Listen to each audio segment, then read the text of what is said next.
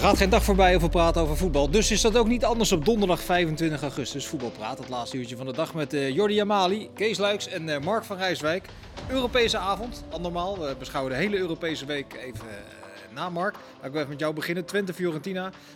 was dat de klassieke Nederlands-Italiaanse clichéwedstrijd? Of zat er toch meer lagen in dan je gedacht had? Ja, nee, dat vind ik niet. Want Fiorentina heeft ook goed gevoetbald. Het was een wedstrijd waarbij twee keepers uitblonken. Want Twente had echt wel een paar keer kunnen scoren. Het Solis, een geweldig schot, die, die wordt gepakt. Maar met name die kopbal van Brenet natuurlijk in de laatste seconde. Ja, als Oenerstal een mindere keeper is, of er staat gewoon een mindere keeper in het doel, dan verliest Twente waarschijnlijk met 2-3-0. Want die pakt ook weer een paar ballen. Die van richting veranderde vrije trap. Ongelooflijk hoe die er nog uithaalt. Dus ja, het, het lijkt 0-0. Ze zijn gekomen voor een uh, gelijkspelletje, ze gaan weer naar huis. Maar dat vond ik het helemaal niet. Daarvoor nee. creëerde Fiorentina ook veel te nou, Laat ik de vraag erom draaien, Kees. Welke clichés ben je wel tegengekomen in deze wedstrijd? Nou, deze wedstrijd niet veel. Uh, ik vond die tweede helft in Florence vond ik wel zo'n typische wedstrijd. Toen hebben die Italianen er ook niet echt veel meer van gemaakt. Vandaag nee, heb ik niet. Ik heb ook niet echt een, een, een echte strijd gezien. Ik had een beetje gehoopt op op een, op een ouderwetse Nederlandse Europese avond. Dat, dat het vuur echt aan de schenen werd gelegd van, uh, van de tegenstander. Maar, maar bedoel je dan voetballend op de tribune? Was het redelijk hectisch toch? Oh ja, daar doelde je op. Sorry, ja? die had ik even. Ja, nee, die, uh, dat wel. Maar goed, daar heb ik niet heel veel van gezien. Dat is alleen maar jammer uh, dat, dat, zo, dat zoiets gebeurt. Ja. Yeah. In de laatste fase van de wedstrijd was het toch nog wel een beetje dat het op kwam borrelen, moet ik zeggen. Bij Fiorentina, het, vertragen, het, uh, ook het, het, ja, typisch Nederlands dan wel verkeerd aanpakken van die slotfase. Ik heb heel veel blinde ballen gezien. Opportunisme is goed. Uh, op een gegeven moment moet je van alles proberen. Maar ja, zo weinig gedachten achter die ballen naar voren. Ik heb Brenet ook echt gewoon drie keer een bal uit zien koppen die hij in het spel wilde maar is stoppen. het dan toch te graag willen of de, de, de haast die, je, die je blijkbaar toch voelt als voetballer? Ik denk vooral zeg maar, rondom de loting, met het ontzag dat er was voor Fiorentina, dat je ook over deze twee wedstrijden, want dat hebben ze natuurlijk ook parten gespeeld in Florence, dat dat misschien een beetje overbodig was. Als je dan gewoon kijkt naar de status, natuurlijk is het, als je kijkt naar het verleden, een beetje een mythische club en met mooie namen. Maar als je nu gewoon kijkt, het is een sterke tegenstander, dat hebben ze absoluut laten zien. Er zitten een paar goede voetballers bij. Maar ja, als misschien ik vond, ik vond die ze... openingsfase niet zo slecht was geweest van Twente daar. Ja, maar ik vond, ik vond men in Nederland best wel optimistisch eigenlijk na die, uh, na die loting van uh, Fiorentina. Ja? Ja, best wel mensen die dachten van vandaag. Ik hoorde nog uh, vorige week mensen zeggen: het is nu een 50-50 wedstrijd in Enschede. Maar is dat, niet, is dat, is dat gek, Kees, als je bedenkt dat de, de Serie A nou niet de aller, allersterkste competitie is de laatste jaren? Dat Twente uh, toch redelijk, redelijk zeker vierde in Nederland is geworden. En dan de nummer 7 van de Serie A treft. Dat je dan denkt, nou... En verder is in de competitie, hè. Fiorentina Goed heeft begonnen is aan die competitie. heeft natuurlijk minder wedstrijden gespeeld. Dat speelt dan ook een rol. Zeker in het begin van het seizoen. Ja, nou ja goed. Fiorentina is geëindigd boven Atalanta Bergamo. Ja. Champions League deelnemer. Er zijn nog wel meer goede ploegen in Italië. Boven wie ze zijn geëindigd. Kijk naar die ploeg, spelen internationals in. Nou, ik heb die ploeg niet zo goed gevolgd voor vorig seizoen. Maar wat ik heb gezien in deze twee wedstrijden, vind ik dat Twente geen kans heeft gemaakt. Zijn wij gewoon, geen gewoon wereldkampioen in beredeneren waarom wij beter zijn dan een tegenstander? En dat Zeker. Niet, niet zijn. Ja, ik ben niet met je. Je zegt geen kans gehad. Wat mij juist opviel is, uh, Smal geeft die voorzet op Brenet. Mm -hmm. uh, waarbij Smal echt alle tijd krijgt om die voorzet te geven. En een paar minuten ervoor had Smal dat ook. Toen die, gaf hij hem te gehaast. Die in de laatste minuut. Ja, en even daarvoor had hij dezelfde kans. Maar toen gaf hij hem in één keer. In plaats van dat hij hem aannam, waardoor hij kon verdedigd kon worden. Als je een echt goede Italiaanse ploeg hebt, dan krijgt Smal, waarvan je wel intussen wel weet dat hij zo'n beetje de beste voorzet heeft in de selectie van Twente, niet in de extra tijd twee kansen om zoveel ja, tijd... Ze stonden met eentje minder op het veld. Ja, maar, ja dan nog. Dat, dat, dat, dat, dat vond ik wel weet je wat het dat, dat, ze zijn Zo goed is Fiorentina ook weer niet. Maar weet je wat het grote verschil was met die voorzet op Brenet in de laatste minuut? Toen stonden er opeens zes man van Twente in de 16 meter bij Fiorentina. En ik denk dat dat ja, dat was dan nog de laatste kans die ze zouden kunnen creëren. Ja, dan, dan sta je er met zes man. Ik denk dat dat het verschil was. En voor de rest vond ik Fiorentina echt op alle vlakken. Die speelde zo comfortabel. Eigenlijk hebben ze zichzelf tekort gedaan in die tweede helft, denk ik, uh, in Florence. Maar op fysiek gebied. Ja, ja fysiek. Ze zijn even, Twente heeft uh, echt, ja, zijn als een dolle tekeer gegaan in de eerste helft. He, ben ik wel onder de indruk geweest van, van Sadilek bijvoorbeeld. Die ontzettend veel ballen afpakte. En die was echt een, overal. Die was overal. Was was niet normaal. Keek, stond die in het scherm. Ja, maar... maar ja, heel die er met kramp af moet. Het was ook dat... Ze zijn wel verder dus in het seizoen. Maar fysiek komen ze dan ook tekort ten opzichte van Fiorentina. Maar ja, ik vind, ik vind het op zich wel te prijzen dat je het op die manier probeert. Dat je, dat je dan maar met een stadion erachter en dan maar kijken ja. waar, waar schip strandt. Ja, dat is toch niet zo gek...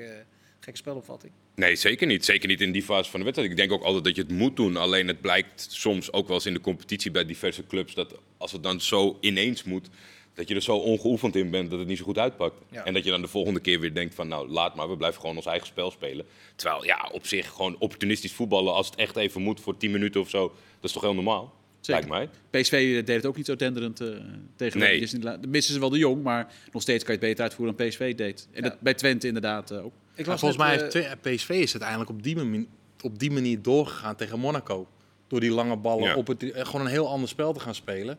Dat heeft ze uiteindelijk eh, doorgebracht. ja. Maar ik vind Twente, voor Twente is dit wel denk ik echt een, een, een- een, een moment om van te leren. Want Twente heeft goede spelers, intelligente spelers, goed aan de bal. Maar het grote verschil is het fysieke aspect. Die, die van Fiorentina, die lopen ze eruit. Fiorentina loopt die gasten van hun eruit. In de persoonlijke duels zijn ze sterker. Dus daarin kunnen zij nog wel, eh, als ze op Europees niveau een keertje mee willen doen, zullen ze daar wel eh er werd, slag voor, moeten vorige, slaan. er werd vorige week gesproken over een soort kleuterreisje. Ik geloof dat Van Wolfswinkel dat in zijn mond eh, eh, nam. Ja. Ehm, da- daar, daar straalde een soort verbazing eh, vanaf. Dat ze dat overkomen was in die eerste 45 minuten. Dat verbaast mij dan eerlijk gezegd weer. Je weet toch ongeveer wat je tegen zo'n tegen zo'n ploeg kan gaan verwachten. Qua kracht, qua snelheid. Dat je, ik, denk denk die niet. intensiteit. Nou, Ik denk het niet. nee, dat je, dat je pas door hebt als je het ervaart. Dat denk ik wel. Vaak Voor een hoop jongens zal dat het. eh, kijk, van Wolfswinkel natuurlijk niet. Want die heeft in Portugal gespeeld. En, en, en in nog andere competities waar. Maar voor Daan tegen- was het wel nieuw.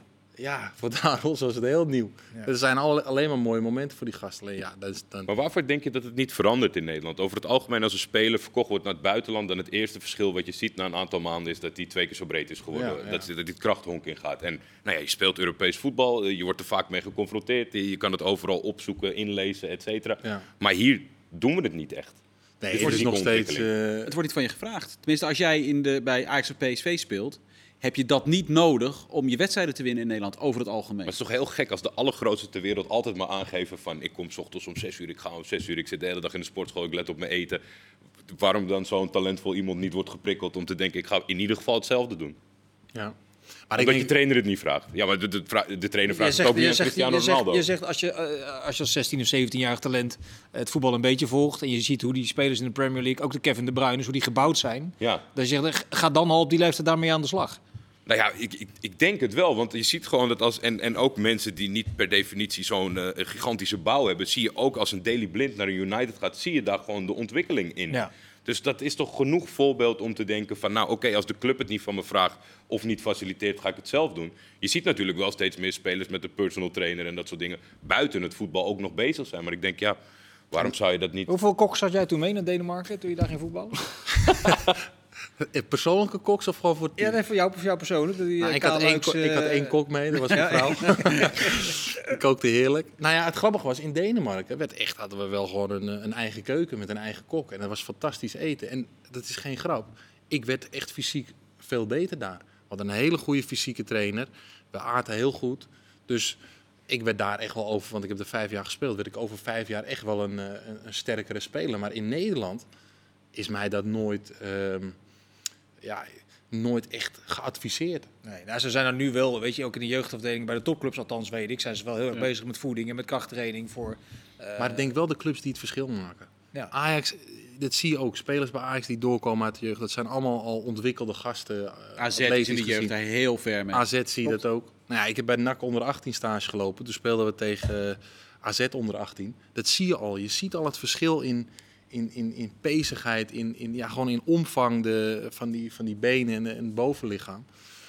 Dus ja, AZ als is over ook. Misschien moet ik nog iets eh, geduldiger zijn dan dat, dat we onderweg zijn. Ik wou dat zeggen, over Ja. vijf tegen Fiorentina voetballen gaan we in ieder geval niet fysiek te Erop en erover. Ja, maar dat is wel natuurlijk... Twente heeft ook gewoon pech, hè. Om de Conference League te halen, moet je tegen een subtopper uit de Serie A. Ik bedoel, dat, dat, dat, dat natuurlijk eh, Vitesse Ja, het vorig seizoen, die hebben het dan net wel gered. Tuurlijk. Maar je kan, ook, je kan ook net iets gunstiger loten en dan staan ze waarschijnlijk wel met de kwaliteit die ze nu hebben in die groepsfase. Ja, dat is waar. Eh, ik, ik las net heel snel een eh, wedstrijdverslag eh, van Willem Vissers van de Volkskrant.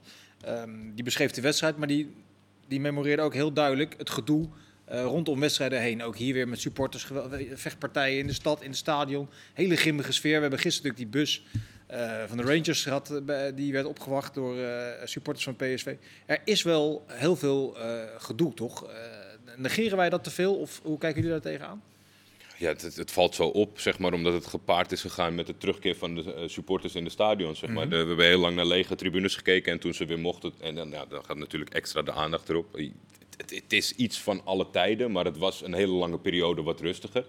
Hoeveel invloed het heeft op zo'n wedstrijd, dat durf ik niet te stellen. Maar ja, de, kijk, eh, de problemen met een eh, Italiaanse ploegloten, die zijn nog steeds hetzelfde. Want eh, ik heb dezelfde dingen voorbij zien komen en dezelfde dingen gelezen.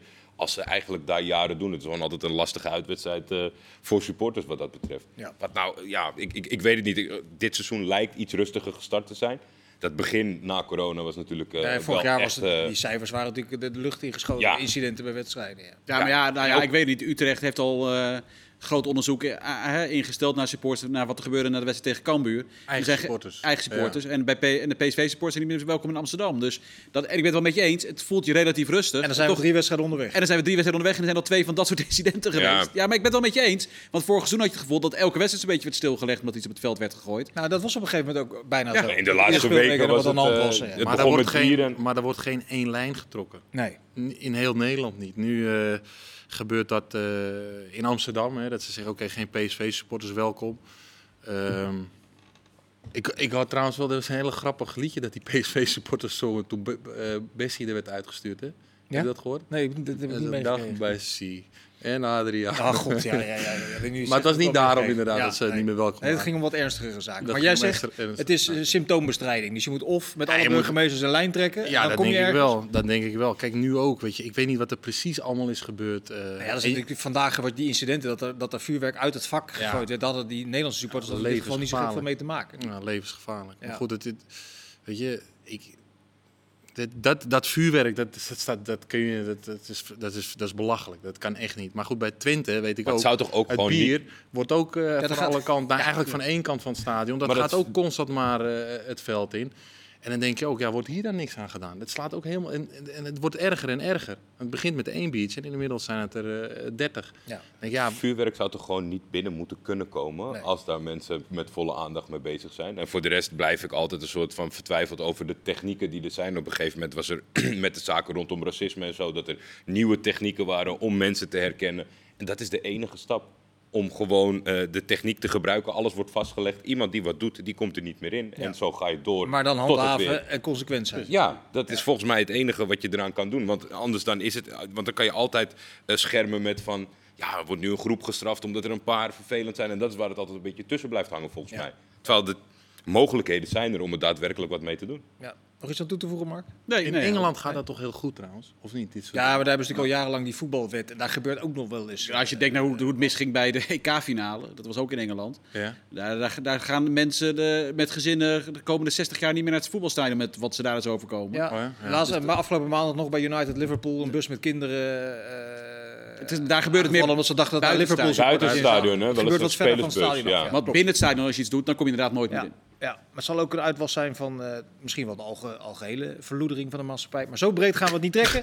We gaan terug naar het eh, voetballen. AZ tegen Giel Vicente. Dan zijn we snel klaar. En Was dat, eh, ja, ja, is dat zo? Zijn we daarmee snel klaar? Nou ja, dat, dat, daar, ik- Goed voor de coëfficiënten. Precies, Europese? Europese wedstrijd hoor ik een beetje spanning bij en die had ik niet. Nee. Nee, dat was wel klaar. Het is fantastisch gedaan thuis. Uit mooie doelpunten gemaakt. Reinders, die zich maar weer blijft ontwikkelen, deed hij ook weer goed. Dat je dacht, ga je nog overspelen? Nou, anders lift je hem zelf even in. Hartstikke goed. Welke nee. stap heeft hij gezet dan? Je zegt in een bijzinnetje... die Nou, ik vond hem bij, hij, hij was toen bij Jong AZ een van die spelers waar je dacht, nou, die kan wel een stap gaan zetten. Maar ik weet niet of het het eerste van AZ is. Zoals Goudmijn bijvoorbeeld ook zo'n speler is. Waarvan je denkt, nou, dat wordt een eredivisie speler. Maar je vraagt je af op welk niveau. Eh, heb je Duarte die nu bij Groningen speelt. Die zag je in de jeugd bij, bij, bij Jong PSV. Eh, maar hij zet inderdaad wel de stappen naar de subtop. En misschien ook wel naar de top van Nederland. En dat vind ik wel knap. Hij, hij heeft een scorend vermogen, is goed aan de bal. Ehm, hij kan dus, denk ik, zowel op 10 als iets meer eh, voor de verdediging spelen. Hij heeft heel veel in zich om een echt een redelijk complete middenvelder te worden. Het is wat on- onopvallend, waardoor je steeds... Volgens mij blijf je dan langer verbaasd aan iemand. Als iemand met heel veel flair of wat dan ook, of bombardie of aandacht, dan ga je er erg op letten. En nu blijf je een soort van verbazen bij hem steeds hoe goed hij het doet. Terwijl op een gegeven moment, ja, als, als dat zo vaak gebeurt, dan is hij gewoon heel goed. Ja, nee, je ziet ook door het wegvallen van Mitchell. Misschien Ja. dat, hij, dat hij dan ineens wel... eh, wel hoe kijk jij er tegen hem aan? Is het meer een 10 of een 8? Acht. Ja? Absoluut. Ik denk dat hij ook wel tien kan. Alleen, ja, daar speelt nu de wit. Dat wordt een nieuwe nationale discussie, denk ik. Is het een tien of een acht? Maar gaan we een bruggetje eerst, maken? maak Ik, eerst zie, dit ik, zie, ik voel een bruggetje Nee, aankomen. komt zo. maar- wat, ik- wat ik ook denk met, zo, met Reinders, weet je wel, die heeft ook... eh, enerzijds is natuurlijk dat hij eh, nu de kans kan pakken, nu Mietje niet... eh, is nog een beetje te lachen, maar dat, dat Mietje er nu niet is. Maar hij heeft ook Mietje voor zich gehad, waar, waar hij gewoon een jaar, twee jaar lang naar heeft kunnen kijken. Ja. Dat, dat is echt, dat, dat, dat is ook superveel waard voor zo'n gozer. Want Mietje was wel, ja, vind ik, van een ander niveau eh, in al En dat heeft hij dan blijkbaar erkend. Ik denk, als ik hier naar kijk en, en van leer, dan komt mijn kans wel. Maar lang niet alle voetballers hebben toch zoveel geduld over het algemeen. Ik denk voornamelijk in dit verhaal dat Mitchell snakt dat hij samen op het veld stond met Reinders. waar hij naartoe is vertrokken. Ja? Ja, nou ja, hij is bij Galatasaray terechtgekomen. Ja, is, dat eh, klopt, ja. Dat is geen feest eh, natuurlijk. dus daar zat Nou, ja, ze hebben nog een voornamelijk week om die te Reiners op te halen. Ja, Het geld is op, hè? Het geld, ja, het is altijd op Het is altijd op, dus... maar het is iets minder gek dan eh, Barcelona wat dat betreft, om er weer aan te komen. Ja, maar AZ eh, redelijk geruisloos dus. Twee keer winnen van een eh, eh, Portugese tegenstander. Is lang niet alle Nederlandse ploegen. Nee, echt, Echt knap. Dat we doen nu heel makkelijk van het was niet spannend. Maar dat het niet spannend was, is echt knap. Want eh Ja. eh, de tijd dat de Heracles eruit vloog tegen Aruca. Kijk, Ja. PSV vind ik heel pijnlijk. Maar Twente verliest van Fiorentina. Ja, dat is niet iets waar je als Nederlands voetbal je voor hoeft te schamen. En voor de rest doet dus, weet je wel, AZ het gemak waarmee het gaat. eh, nou, de- het Nederlandse voetbal heeft echt wel grote stappen gezet. Zeker als je kijkt naar die clubs die Nederland daarin vertegenwoordigen. Ja, weet je wat ik een beetje, een beetje bijna sneu vind voor AZ? Is dat we het er altijd zo kort over hebben. Omdat daar eigenlijk alles heel logisch verloopt. Ja. Dat klinkt heel gek. Dus goed beleid, geen gekke dingen, eh, goede trainer. Ja, dan, ben je ook vrij snel uitgekletst. eh. Terwijl ze eigenlijk meer aandacht verdienen dan ze krijgen. Dat is eigenlijk mijn punt. Ja, ik, ik snap precies wat het is. Ja, voetbal is natuurlijk opportunisme. Je hebt of een crisis nodig of eh, diverse keuzes. Maar als alles in, eh, in, in banen wordt geleid, goed geleid. En nu moet ik wel zeggen dat bij Gil Vicente... Ik had er ook... eh, ik had- Nee. dat de eigen mensen wilden niet komen kijken. Zeg maar. Het stadion, de entourage was niet... eh Aruca weet ik nog, dat ging erover dat het heel klein was. Klein plaatsje. Die supporters van Heracles met de bus. Maar de dat, bus, dat was in ieder geval een soort van lokaal eh, vol stadion. Maar de Dus die mensen- bus stond toch vast op een heuvel? Ja, of zo? zeker. Ja. ook alweer, ja, met die- De, Ja. wilde mensen niet meer verder met de bus, omdat het te gevaarlijk was inderdaad. Maar goed, AZ, vo- ja, vorig, vorig seizoen heeft AZ echt wel hele moeilijke periodes gehad. En dan ging het er ook niet zo lang over. Ook omdat ze bij AZ maken ze zich dan niet zo heel erg druk als ze een keer vierde worden. Dan, dan is Ja, maar toen was dat de verklaring dat, dat, Ja. ze, dat ze eh, Stenks, Boadu, eh, weet ik het Precies, dus dat was ook heel logisch. Alleen, eh, het werkt dus beide kanten op. Ik bedoel, op het moment dat AZ nu twee keer op rij verliest, gaan we het er niet eh, een half uur over hebben. En op het moment dat ze twee keer op rij winnen, gaan we het ook niet een half uur over hebben. Is dat, misschien ook wel de reden dat je daardoor dus gedijt als speler? Dat je daardoor eh, beter kan worden als je talent hebt? Ik kan me voorstellen dat dat prettiger is voor Want als Reinders komend weekend een belabberde wedstrijd speelt, dan gaan we het hier inderdaad maandag er niet over hebben. En als Joey Veerman komend weekend een belabberde wedstrijd speelt, dan gaan we het er maandag zeker wel weer over hebben. Spot on. Nou, maak, Ja. jij, maak jij zomaar eens even hoppakee. Die Joey Veerman, hè? is dat nou een 10 of een 8? 100% een 8. Ja? Vind ik. Nou ja, het was grappig. Eh, Gisteren ging het hier over in voetbalpraat. Eh, en toen werd inderdaad gezegd dat in alle vier die wedstrijden met Veerman op 10... dat PSV hem uit zijn kracht heeft gehaald. Maar ik deed beide wedstrijden tegen Monaco. En in die eerste wedstrijd speelde Til het eerste uur. Daarna werd Til eruit gehaald, kwam Gutierrez erin. Maar dat eerste uur, en zeker de eerste helft tegen Monaco uit... was het beste wat PSV dit seizoen Europees, maar misschien wel überhaupt heeft laten zien. Bijna geen kans weggegeven. En dat was met Til op 10, die echt niet goed speelde, maar wel met Til op 10. Ja. En Veerman naast Sangaré. En dat was het beste van PSV. En ik dan heb zet ik daar tegenover dat de tweede helft tegen Rangers met diezelfde Veerman eh, op de beoogde nummer 10 positie misschien wel het na beste was dan. Ja, oké, maar eh, ik, heb zat het ge- niet zoveel licht tussen. ik heb het gevoel dat, omdat Til niet goed was, dat die optie helemaal verdwenen is. Terwijl ehm, je had daarmee echt Veerman wel voor een deel uit zijn kracht weggehaald. En Til kreeg die ruimte, die benutte die niet goed. Maar ik had toch het gevoel dat misschien dat meer een la- langer de kans had moeten krijgen. ja. Of het nou met Til was of met Simons. Ja, wat zeggen, of Simons dan op die positie. Ja, en, precies. eh, Met dat je daar heb je twee hele goede voetballers op het middenveld. ja. Kon jij je erger, Kees, aan de spelers die in interviews zeiden... ja, dat is eigenlijk niet de ideale positie, ik speel liever daar en daar? Of had je zoiets van, nou, dat mag hij wel zeggen? Eh, nou, kijk, ik heb het interview natuurlijk ook gezien. En in eerste instantie wordt aan hem gevraagd, waar speel je liever? Nou ja, dan zegt hij heel duidelijk nummer 8. Ja. Maar 9 van de 10 spelers zeggen natuurlijk, het maakt niet uit waar de trainer me opstelt. eh, Ja, maar Dat is over het algemeen het antwoord dat je krijgt. Maar, ja, maar daar word je ook een beetje moe van natuurlijk. ja, Van- wij, van, wij zeker. van Had je dat spelers antwoord die... van tevoren wel gehad, als die, als die vraag was gesteld voor de wedstrijd of, of rondom de, na de wedstrijd toe? Ja, En dat maar, maar nu na wedstrijden zijn spelers over het algemeen net even Ja, daarom. dan, daarom. eh, maar dat je anders, dat je misschien wel het, het, het keurige antwoord had gehad en nu gewoon dat, dat we daarvan denken. Nou ja, hij gaf het antwoord ik ben een 8, ik voel ik ben een 8. Nou prima, gewoon antwoord op de vraag. Maar vervolgens wordt gevraagd, eh, wat vond je van je eigen prestatie? Zeg, ja, ja, niet zo goed, maar eh, ja, ik ben ook een 8. Ja. Ja, dat is zwak. Te makkelijk. En, en, en te makkelijk. En ehm, ik vind ook, ik, eh, dit is voor hem een moment om van te leren. Maar hij heeft best wel veel grootspraak gehad in de afgelopen weken. Is ook eh bewierookt hier en daar. Van, ja, vind je maar wat te spelen? Nou, dan laat hij het nu niet zien. Ja, dan Hij was geef een week zo een, nog wel de beste hè, bij PSV. een week ervoor nog wel het beste. Maar ja, eh, hij wordt wel geacht nu om, hè, wordt met Nederland zelf al in verband gebracht. Hij wordt wel nu geacht om eh, PSV door te loodsen naar de groepsfase. En dat lukt hem dan niet. Ja, en dan staat hij daar voor de, eh, voor de camera. Ja, toch een beetje als een klein kind. Die heel erg teleurgesteld is. En ik begrijp dat allemaal wel. Alleen, ja, die babbels die hij dan had van tevoren. Ja, dan verwacht je toch wat meer in dat interview van hem. En niet als er wordt gevraagd wat vond je van je eigen prestatie. Ehm, ja, ik vond het niet zo goed, maar ja, ik ben ook een acht. Ja, dan, dat, dat, ja, ik denk de medespelers zullen zich niet zo eh, druk erom maken. Maar voor de trainer is dat altijd wel weer irritant, eh, denk ik. Het zwakt die babbel in de toekomst ook af. Als je hem dan bij een te- teleurstellende prestatie... Maar dat hoop ik niet. Ik hoop dat hij die babbels blijft houden, maar dat hij gewoon een Nee, maar beter de waarde dat van die babbel neemt af op het moment als het het te- teleurstellend resultaat is. Dat je dan- dan niet dezelfde babbel hebt. Ja, zeker. Maar ik hoop echt dat hij die, ik hoop dat hij die babbels blijft houden voor en na. Ja, precies, ja. Weet je? Dat, Maar het dat- zegt natuurlijk ook wel wat dat, dat een half jaar na die transfer van Heerenveen naar PSV wij al de druk bij Veerman neerleggen. Want dat is volgens mij. hij legt hem ook bij zichzelf neer. Ja, maar ook, klopt, dat doet hij zeker ook. Maar jouw letterlijke tekst was net, ja, hij moet dan PSV door zo'n lastige situatie loodsen. ja. Een jonge speler nog die net een half jaar daar zit. ja, dat, Dat- is best veel. Dat is best veel, ja. Ja, Best veel druk ook. dus misschien is het ook nog wel te veel geweest. En, en, maar hij legt het ook deels, deels bij zichzelf neer. Ja, wat denk jij, Mark? Ja, nee, hij creëert die verwachting ook zelf door. Inderdaad, eh, tegen Monaco, heel belangrijk zijn met zijn doelpunten. Door uit bij Rangers goed te voetballen. Ja, daar kijk je ook naar hem. En wie brengt het voetbal bij PSV? Op het middenveld is dat er maar eentje. Dus Ja. hij heeft die druk voor zichzelf gecreëerd. Nou, dan bespreken we zo meteen of Ruud van Nistelrooy er nu een eh, middenveld hoofdpijndossier eh, bij heeft. Zometeen in deel 2 bespreken we ook de Loting Champions League. En kijken we vooruit naar een nieuwe ronde in de Eredivisie. Dus graag tot zo.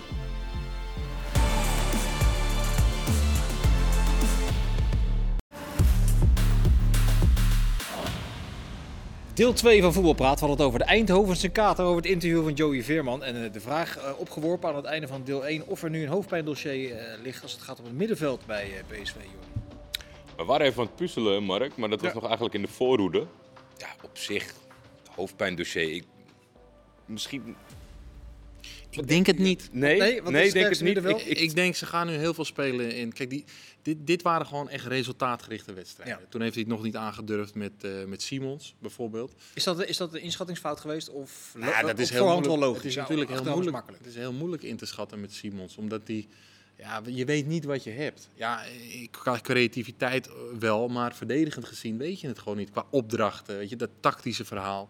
Dat kun je hem wel. eh, Maar, in- maar waar slaat die balans dan door als je thuis speelt tegen Rangers?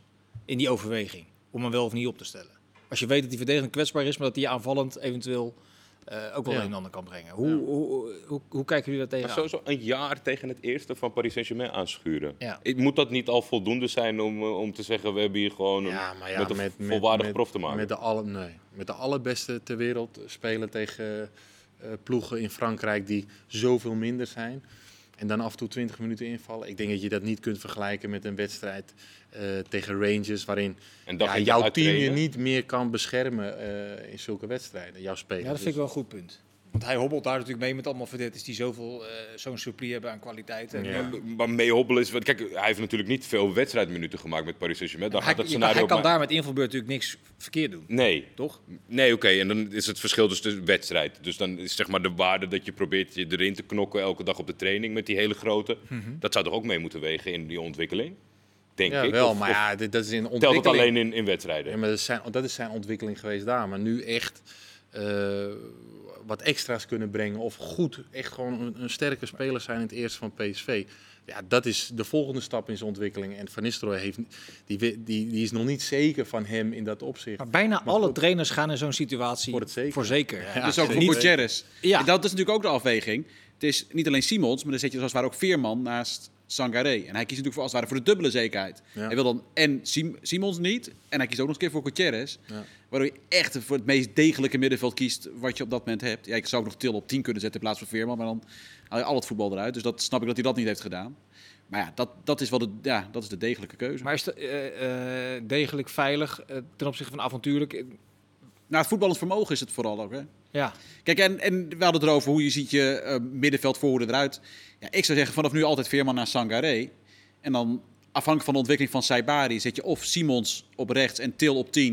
Want kijk, in de Eredivisie, als je Til en Luc de Jong met z'n tweeën de hele tijd in de 16 laat komen... dan ga je daar heel veel plezier van hebben. Dat zag je wel tegen Ajax en dat gaat in de Eredivisie heel veel goed komen. Maar je kan inderdaad ook Simons op 10 en Saibari op rechts zetten. En dat, dat zijn de mogelijkheden die je hebt afhankelijk Ineens van... voetballend heel aantrekkelijk. Zo met de, met de flarders die we hebben gezien, lijkt, lijkt mij dat in ieder geval het leukste om te zien. Nou, Maar dat of, gaat eh, gebeuren, wat jij zegt. Dat weet ik wel Ja? zeker. Ja, natuurlijk. Want nu heb je die, die wedstrijden van de Champions League dat je echt moet presteren. Die zijn weg. Nou, in Nederland weet je, kun, je gewoon, kun je dat makkelijk doen. Dat is al gebleken in de Johan Cruijffschaal, zelfs tegen Ajax. Til heeft zijn waarde bewezen. Op Europees niveau heeft hij het zwaar gehad. Ehm, Simons heeft ook al laten zien dat hij eh, voor, voor iets extra's kan zorgen. Ja, en in de Europa League eh, kun je dat natuurlijk eh, gewoon uitproberen. Ja. Daar zijn ze niet... eh, Natuurlijk moet je daar ook door en overwinteren. Maar ik denk dat het even wat, wat, wat anders ligt nu. Tot slot over PSV had, eh, want er is nu een eh, extra aanvaller eh, in beeld in de persoon van eh, El Ghazi. Dat hebben ze eigenlijk al een week of twee lang geroepen dat ze nog een extra aanvaller erbij zouden willen hebben. Maar hadden ze ook, gaan we weer, hadden ze ook eh, moeten investeren in een centrale verdediger? Ja, het is lastig, omdat als Boscardi terugkomt, het antwoord nee is. En Boscardi is 2023 terug. Ja, moet je, in principe gaat het over twee, drie maanden natuurlijk. Maar Ja. dat, door het lastige eerste seizoenshelft moet je er iemand halen. Terwijl je straks heb je eh deze Boscardi. Maar in die en- lastige eerste seizoenshelft wordt natuurlijk wel veel bepaald. Met Ja, name maar de- dan moet je daar dan allerhoogste heel veel gaan bereiken van de investeren. Champions ze League. hebben Ja, als jij die Champions League wil bereiken. Ja, maar ze hebben Ja. eh, erbij gehaald. En, ze hebben het, en ik snap, ja, ze hebben het vertrouwen gehad in Ramaljo These. Ja, dat Ramaljo dan zo opzichtig in de fout gaat, kun je nu heel simpel zeggen... ja, zal iemand anders er neer moeten zetten. Maar dat snap ik wel. Dat je met, Boscardi die weer terugkomt, je hebt These, Ramaljo en dan Braithwaite als talent erachter. Snap ik wel dat je niet in eerste instantie daar je prioriteit legt. Nou, en PSV wil ook gewoon eh, nog langer de tijd geven aan Obispo en Ja, deze eventueel om zich een, eh, ja, gewoon echt een sterk houden van eh niet snel PSV genoeg. te laten Obispo worden. met name, die in grote wedstrijden hier en daar wel op een foutje te betrappen is. Nou, ik vond Obispo goede indruk maken en eh, in, de, in de? Champions League wedstrijden. Ik, moet, ik vraag me nog wel af of hij echt die sterkhouder wordt van PSV die, ja, die, die, die zo hopen die die kan worden. Ja. Maar eigenlijk op Europese, in die Europese wedstrijden was hij, eh, vond ik hem echt goed aan, aan de goede kant van de, de score. Verdedigend, hè? Een, een groen veetje dus achter zijn... eh, We gaan wel snel voorbij hoe je hem opstart. Het feit dat El Ghazi eh, misschien aangetrokken gaat worden. Nee, ik, ik, daar wil ik nog even op Oh, oké. wil ik even terugkomen. We gaan dadelijk de Eredivisie nog voorbeschouwen. Denk, pak dan even elke... Dit hangt van bruggetjes aan elkaar. Oké, sorry. Maak je er geen, eh, geen zorgen over. De loting eh, van vandaag. Ehm, loting-expert eh, hier aan tafel, Mark van Rijswijk. Andere loting, hè? Maar goed. Wat zeg je? Nee, ik ben, Ja, de nee, doet- loting. ik ga het gelijk even zeggen. Morgen om 1 uur massaal inschakelen. Loting Europa League. En half drie Loting Conference League aan elkaar gepraat door Mark van Rijswijk. Die op dwarsverbanden gaat tracteren. Weet u nu echt het bestaan er niet van. Ehm, maar naar de loting van vandaag. Ajax, Liverpool, Napoli, Rangers. Eh daar zal iedere voetballiefhebber van zeggen. Dat qua voetbal is dat nou, Ja, fantastisch. fantastisch. Heel veel Ja, mooie qua sfeer krijg ja, die, je kan echt niet beter. Je hebt ook nog een kans om door te gaan. Het is niet onmogelijk. Alles aan te reizen. Eh, maar goed, Liverpool wel. Je, je, je strijdt in principe wel voor plek 2. En dat heeft eigenlijk natuurlijk een paar seizoenen eigenlijk niet gehad. Liverpool is nu niet zo goed aan het seizoen begonnen. Maar Ah, als dat gammele United Liverpool kan Ja, verslaan, ja, dan, eh, precies. Zullen we daar ook nog over hebben, United? Dat doen we zo meteen. even. Maar, Nee, maar goed, dus Liverpool, Liverpool zet ik echt nog wel op één. Ook met deze seizoenstart. Seven year curse zag ik voorbij komen van Ja, dat- Klopp. Dat is dat natuurlijk bij wel Mainz en bij. Dortmund eh, dat het allemaal niet zo goed ging in het zevende seizoen. Maar goed, eh, Ajax en dan wel serieuze concurrentie daarbij. En Ze, hadden, ze hebben een mindere loting qua mogelijkheden om door te gaan dan ze wel eens hebben gehad. Mhm. Eh, de afgelopen jaar hadden ze het meestal. Weet je, Maar nog, dan gaan, we weer, daar gaan we weer. hè. Ik moet ineens aan Twente Fiorentina denken. Dat Napoli, dat zetten we nu even weg als... "Mwah, dat zou dan eventueel wel moeten kunnen. Eh, nou, laat ik me de vraag zo simpel mogelijk stellen. Is dat zo? Uit de startblokken geschoten. Ik denk in de afgelopen seizoenen dat dat wel een, een haalbare horde moet zijn voor dit Ajax. Ja? Dat denk ik wel. Ik denk, ja, Ajax zelf niet supergoed aan het seizoen begonnen op die wedstrijd tegen Groningen na. En wat ik zeg, Napoli echt indrukwekkend wel. Maar twee wedstrijden gespeeld, heel veel doelpunten gemaakt. Eh, hele interessante linksbuiten. Georgië erover gekomen, die geloof ik ook al drie wedstrijden heeft gescoord. Die Osimhen, die lijkt er eh, zin in te hebben. Spalletti daar nog steeds aan het roer. Dus het is gewoon, ja, ze zijn Koulibaly kwijtgeraakt voor 40 miljoen. Hergeïnvesteerd in een jongen die er direct staat, een Zuid-Koreaanse eh, verdediger. Ja, wel een hele lastige tegenstander. Maar ik denk, ja, met wat Ajax in de afgelopen jaren heeft laten zien in de Champions League... dat je dat eh, wel gelijkwaardig moet aangaan. Ik vind het echt geweldig hoe je weer deze reflex schiet van, nou, dat moet wel kunnen. Ja, maar dat is. Ja, Napoli heeft toch ook niet zo bijzonder veel gepresteerd uh, Europees. Barcelona was misschien wel het slechtste Barcelona in jaren afgelopen seizoen. Hebben ze van verloren in de kwalificatie. Uh, in die tussenronde van de, van de Europa League. En onderschat Ajax niet. Ik, ben, ik, ik snap jouw punt wel. Want Napoli is een hele goede topploeg in de Serie A. Maar Ajax betaalt ook gewoon meer dan 30 miljoen voor spelen hier. En die koopt spelers voor 10 miljoen die dan op de bank belanden. En betalen Serie A salarissen. Die betalen Serie A salarissen. En die verkopen misschien voor 100 miljoen. En dan halen ze iemand voor 30 miljoen terug. Ik bedoel, Ajax is niet uh, zomaar een club in Europa. Nee, je moet ook niet, ah. absoluut niet doorslaan in onderschatting van uh, we spelen voor plek 1 of 2. Maar Napoli, als je dat gewoon tegen elkaar weglukt, dan is dat gewoon, dat moet te doen zijn. Nee. Oké, maar wanneer is, laat ik het anders vragen, wanneer is Ajax tot nu toe uh, overtuigend geweest met de uitzondering van die wedstrijd tegen Groningen? Ja, niet niet. En Napoli wel twee keer. Mm -hmm. Ja, via, maar het is ook vier. Ja, het is wel een hele korte. Ja. en we krijgen die eh, magie van Ibrox tot vervelens toe weer door de strot geduwd, denk ik. Uh. Nou ja, maar dat, kijk, Rangers, ik denk niet dat Rangers doorgaat in de Champions League. Maar die gaan wel punten natuurlijk uiteraard pakken. Die gaan niet op nul punten eindigen. Dus je moet wel zorgen dat, dat als zij dan winnen van Napoli, dat je niet ook daar, weet je wel, per ongeluk wat, uh, wat hapert. Dat heb je gezien tegen PSV. Zo slecht zijn ze nou ook nee. weer niet. PSV had doorgemoeten. Als je maar, door wil in de Champions League, moet je zes punten pakken tegen Rangers. Moet je zes punten pakken tegen Rangers, maar niet, uh, Rangers gaat niet op nul punten eindigen. Eén geruchtje nog wat ik te leuk vond om te laten liggen. Dan gaan we even terug naar Liverpool. Uh, ik weet niet waar ik het las. Frenkie de Jong eventueel in beeld bij Liverpool. Toen dacht ik, ja, dat is eigenlijk niet eens zo heel gek. Als je ziet dat afgelopen maandag Liverpool met het middenveld uh, Henderson, Milner en Harvey Elliott speelde. Thiago weer Thiago is weer geblesseerd. Keita vaak geblesseerd. Is, dat, zou dat een soort toverformule kunnen zijn? Liverpool is wel echt op zoek volgens mij naar iets. Ik las vandaag een column van James Worthy die nu al schreef over heimwee. Een echt fanatiek, uh, fanatiek Liverpool supporter heimwee naar Sadio Mane. Maar je, je, je merkt, ja, alleen de namen die je al opnoemt, dat dat nog steeds het middenveld is. En dat is prima voor denk ik een reguliere Premier League wedstrijd. Mm -hmm. Maar als je moet aandraven tegen, tegen United, ondanks hoe slecht ze zijn gestart, ja, dan is dat het niet. Frenkie de Jong, het lijkt op het oog denk ik wel een goede match. Misschien een betere match dan met United. Als je kijkt naar de soepelheid van de spelers om zich heen. Aan de andere kant is Erik ten Hag natuurlijk keihard aan het werk. En uh, is daar nu ook iemand bij United op het middenveld die uh, heel veel uh, vuil werk voor je kan doen in Casemiro. Zou, zou Frenkie de Jong dan ook nu een klein beetje zijn? want de, de, opinie is helemaal 180 graden gedraaid nu over Manchester United. Zou hij mm -hmm. ook niet denken van nou... Misschien niet toch, zo gek. Misschien toch wel Manchester. Nee, volgens mij wel. Nou ja, wat je allemaal nee, leest, berichten, ik bedoel, spreken die dagen. Maar is Liverpool dan zoveel beter nu? Om daar naartoe te gaan. Ja, wel. Dat ja. denk ik wel. Dat zou, heel, dat zou wel heel korte bocht zijn om, op basis van die wedstrijd tegen United. Champions League finalisten. Champions League finalist. En de jaren daarvoor ook niet onaardig gepresteerd. Ja. Uh, nog een keer gewonnen. Uh, nee, maar goed, wel, wel een, een, ik geloof ook altijd wel in een bepaalde cyclus. Nou ja, je had het net over de seven years. Uh, ik dacht dat dat altijd over relaties ging, maar dat is ook in het voetbal. Maar, uh, Oei, dan, uh... Nee, ik heb al 14 jaar. 14 jaar ja, ik, ik, moet nog, ik moet nog over die zeven doordelen. Maar uh, dat zou ook kunnen. Hè? Dat je ook zo denkt, ja, misschien is Liverpool wel over een, uh, ja, over een bepaald punt heen. Dus ik stap nu op de, op de trein United. Ja. Die dat zijn ze vorig jaar Real Madrid schiep ineens te binnen. Ja, ja, ja. Dat, ja, ja inderdaad. Perste er ook nog wel even een aardig seizoen uit. Ja, inderdaad. Ja, goed, dat is helemaal van een andere klasse. Maar, maar goed. Los van de punten om niet naar United te gaan, was het vooral dat hij bij Barcelona wilde blijven. En het zal Zeker. dan interesse van Liverpool dat helemaal Ach ja, joh, we kunnen er nog lekker een weekje over boven. Ja. We gaan uh, de rest van de groepen erbij pakken. Uh, Mark, wat vond je de groep, de, de groep des doods? Het zit er altijd tussen. Groep C, Bayern, Barcelona, ja. Inter en Pilsen. Ja, nou, die Tsjechen zullen wel gedacht hebben, dat hebben wij weer. nee, ja, dat is, toch, dat is op zich fantastisch natuurlijk. Alleen de kans dat je zelfs de Europa League haalt is niet zo heel groot. Nee, maar ja, voor mij is, zijn eigenlijk de twee verhalen dat Lewandowski, die toch niet heel vrolijk wegging bij Bayern, volgens meteen naar tegen Bayern gaat met Barcelona. En dat Haaland meteen terug gaat naar Dortmund. Ja, ja dat is werkelijk. Die zit in een pool met uh, Dortmund, Sevilla en Kopenhagen. Ja. Fantastisch. Ja, maar dat, daar, daar, daar verheug ik me dan op. En ik denk dat het uh, ontvangst voor Haaland zal fantastisch zijn. Want daar is iedereen gewoon heel blij dat ze zo lang van hem hebben mogen genieten. Allemaal goed gegaan.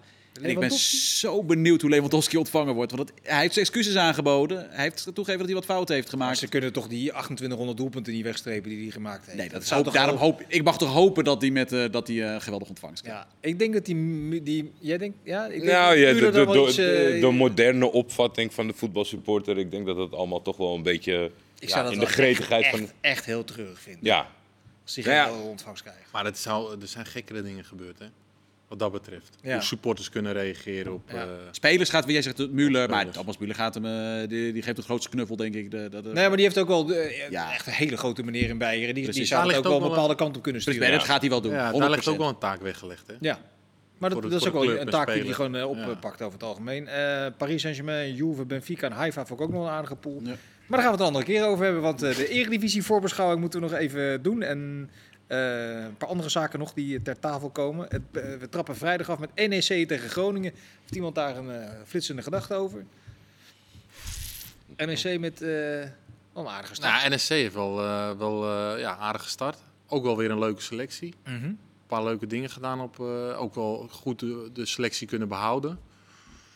Ja, wij moeten die, die voorspelling altijd doen aan het begin van het seizoen. Dat is niet zo makkelijk, hè? Dat is niet zo makkelijk. Zeker niet als er weer wat mutaties later eh, plaatsvinden. Met Sillis die er dan weer bij komt. Nou, Tafsel gaat misschien nog weg, hè? Taf zal Ja. misschien nog weg. Olympiakos, hè? Ja, precies. Ja, ze- ik ben aan het kijken. Eh, Panel, ja. al, eh, ja, volgens mij zijn ze door. Wie? Olympiakos. Is dat goed of slecht nieuws? Dat is voor Feyenoord slecht nieuws, want volgens mij gaat Feyenoord daar naar pot 2. Oh, dat, nou, dan heeft u het eerste dwarsverband alweer eh, te pakken. En de loting is nog niet eens begonnen. En Mark, jij, jij zei net in een bijzinnetje hier in de catacombe dat je nog niet heel erg onder de indruk was over de eerste weken van FC Groningen.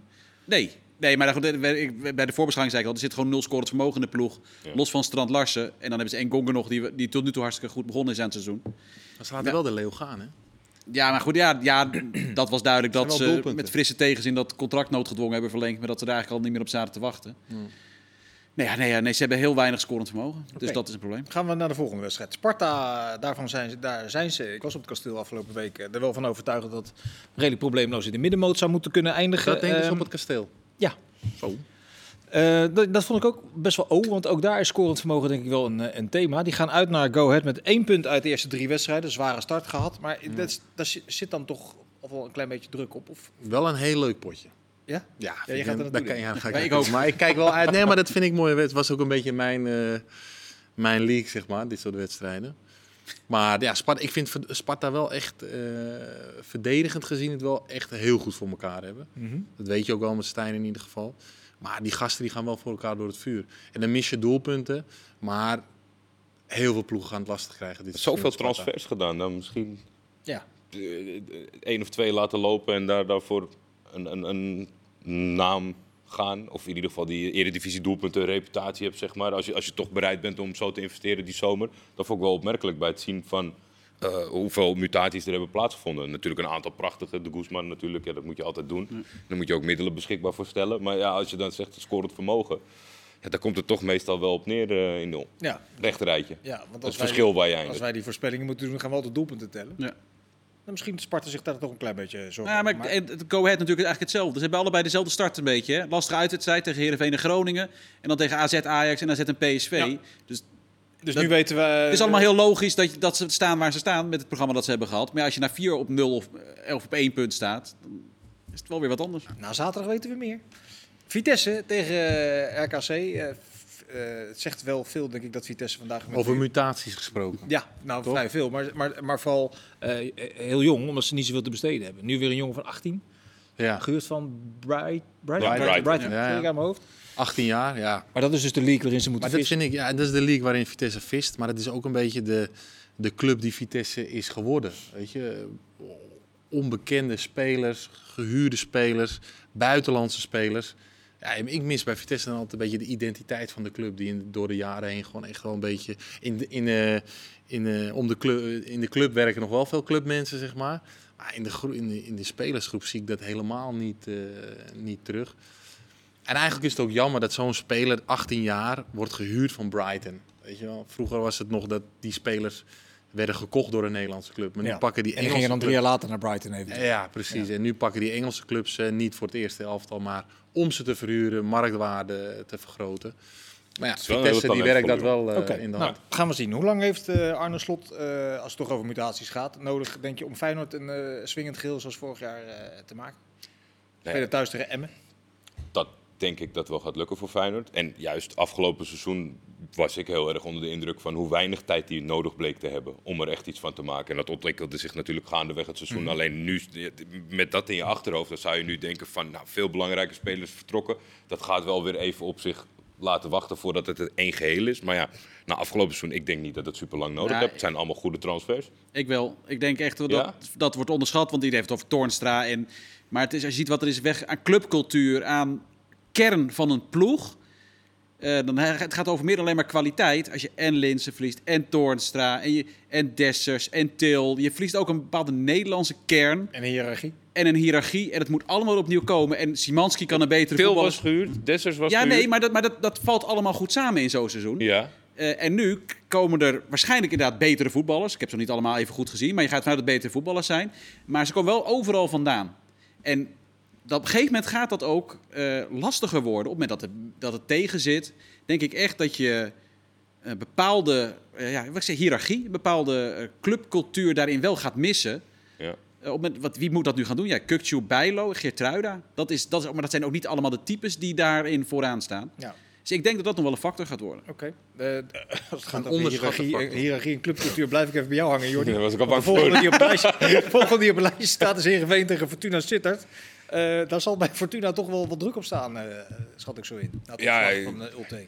Dat denk ik ook. En Ja. ik, eh, ja, mijn, mijn persoonlijke hoop is vooral dat eh, de spits in kwestie niet eh, echt als speler-trainer eh, aankomt eh, de wedstrijddag. Maar dat zal wel niet. Ik kan me er herinneren, ik belde jou op toen die transfer, eh, dat was voor ESPN vandaag, eh, toen die transfer van Yilmaz doorging naar eh, Fortuna, toen vroeg ik me aan wat voor, wat voor karakter heeft die jongen. Toen zei jij, nou, dat is een redelijk bescheiden jongen, altijd hard gewerkt, levert altijd. Eh, nu krijg je toch ook wel het idee, althans wat er doorcijpelt vanuit zitten, dat het een jongen is die eh, wel degelijk zijn mond opentrekt en, en het graag wil bepalen. Ja, op, op en rondom het veld. Daar is het ook eh, in sommige interviews met hem over gegaan. Omdat eh, Sven Botman was gevraagd naar hem. En toen ging het over van... eh, nou jongens, eh, koop maar oordoppen. Want hij, is nog, hij gaat nogal tekeer op het veld en in de kleedkamer. Dus dat zit er wel in. En dat gaf hij ook aan. Dat hij gewoon ja, binnen de lijn een andere persoon is. En dat hij eh, alles doet om te winnen.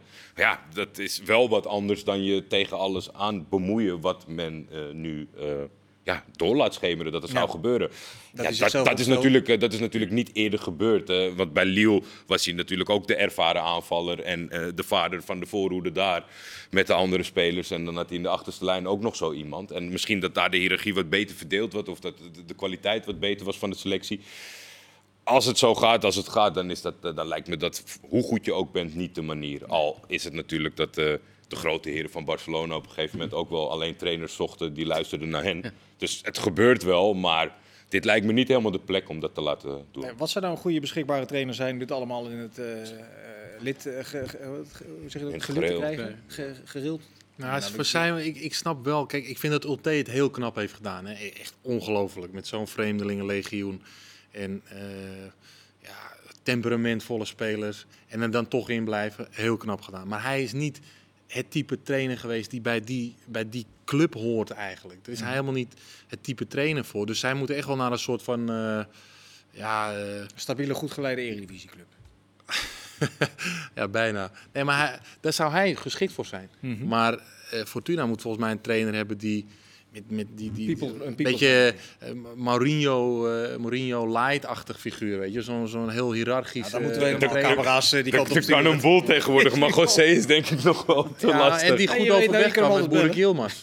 Ja, maar wie heeft Ja. dat? Wie, want in principe hebben ze naar buiten laten brengen dat het geen buitenlander wordt, de nieuwe coach. Dat we in Nou. Nederland kijken op de markt. En wie, wie Dat heeft is- nog een beetje dat profiel in het, in het huidige Nederlandse waarom, voetbal? waarom halen ze dan Ulte? Waarom gaat hij dan weg? Dat is toch Nou ja, belangrijk. dat was, dat, die, die was er al en daar hebben ze het vertrouwen aan gegeven, Ja, toch? maar die, die Jongens, we hebben nog toch eh, kleine Die 50 heeft het seconden, Mark. Utrecht-Ajax. Eh, dat wil nog wel eens een spektakel opleveren. Is Utrecht in staat om eh dat ik heb- spektakel thuis te bieden tegen Ik heb ze gezien tegen Emmen, viel me zwaar tegen. Het is eigenlijk het omgekeerde van eh, zo'n club als Go Ahead als Sparta. Die hebben namelijk een programma gehad waarbij het te schande is dat je maar drie punten hebt natuurlijk.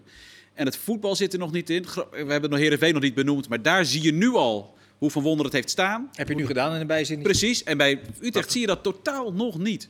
En dan ga je in principe tegen Ajax normaal gesproken dik af als je het niet goed hebt staan. En Rode JC NAC. Ook nog. Mooi Morgen, dat is potje. morgenavond, hè? Ja, een mooi potje. De Twee, twee eh, twee grootheden in, eh in We de hele grote divisie. voetballers hebben bij de zo. clubs gespeeld. Heb ik nog één ja. vraag einde van de avond. Kees, was jij een 10 of een 8? Ik was een eh, nummer 12. Dank ik u voor het kijken, jongens. Jullie allemaal bedankt. En graag tot de volgende keer. Dag.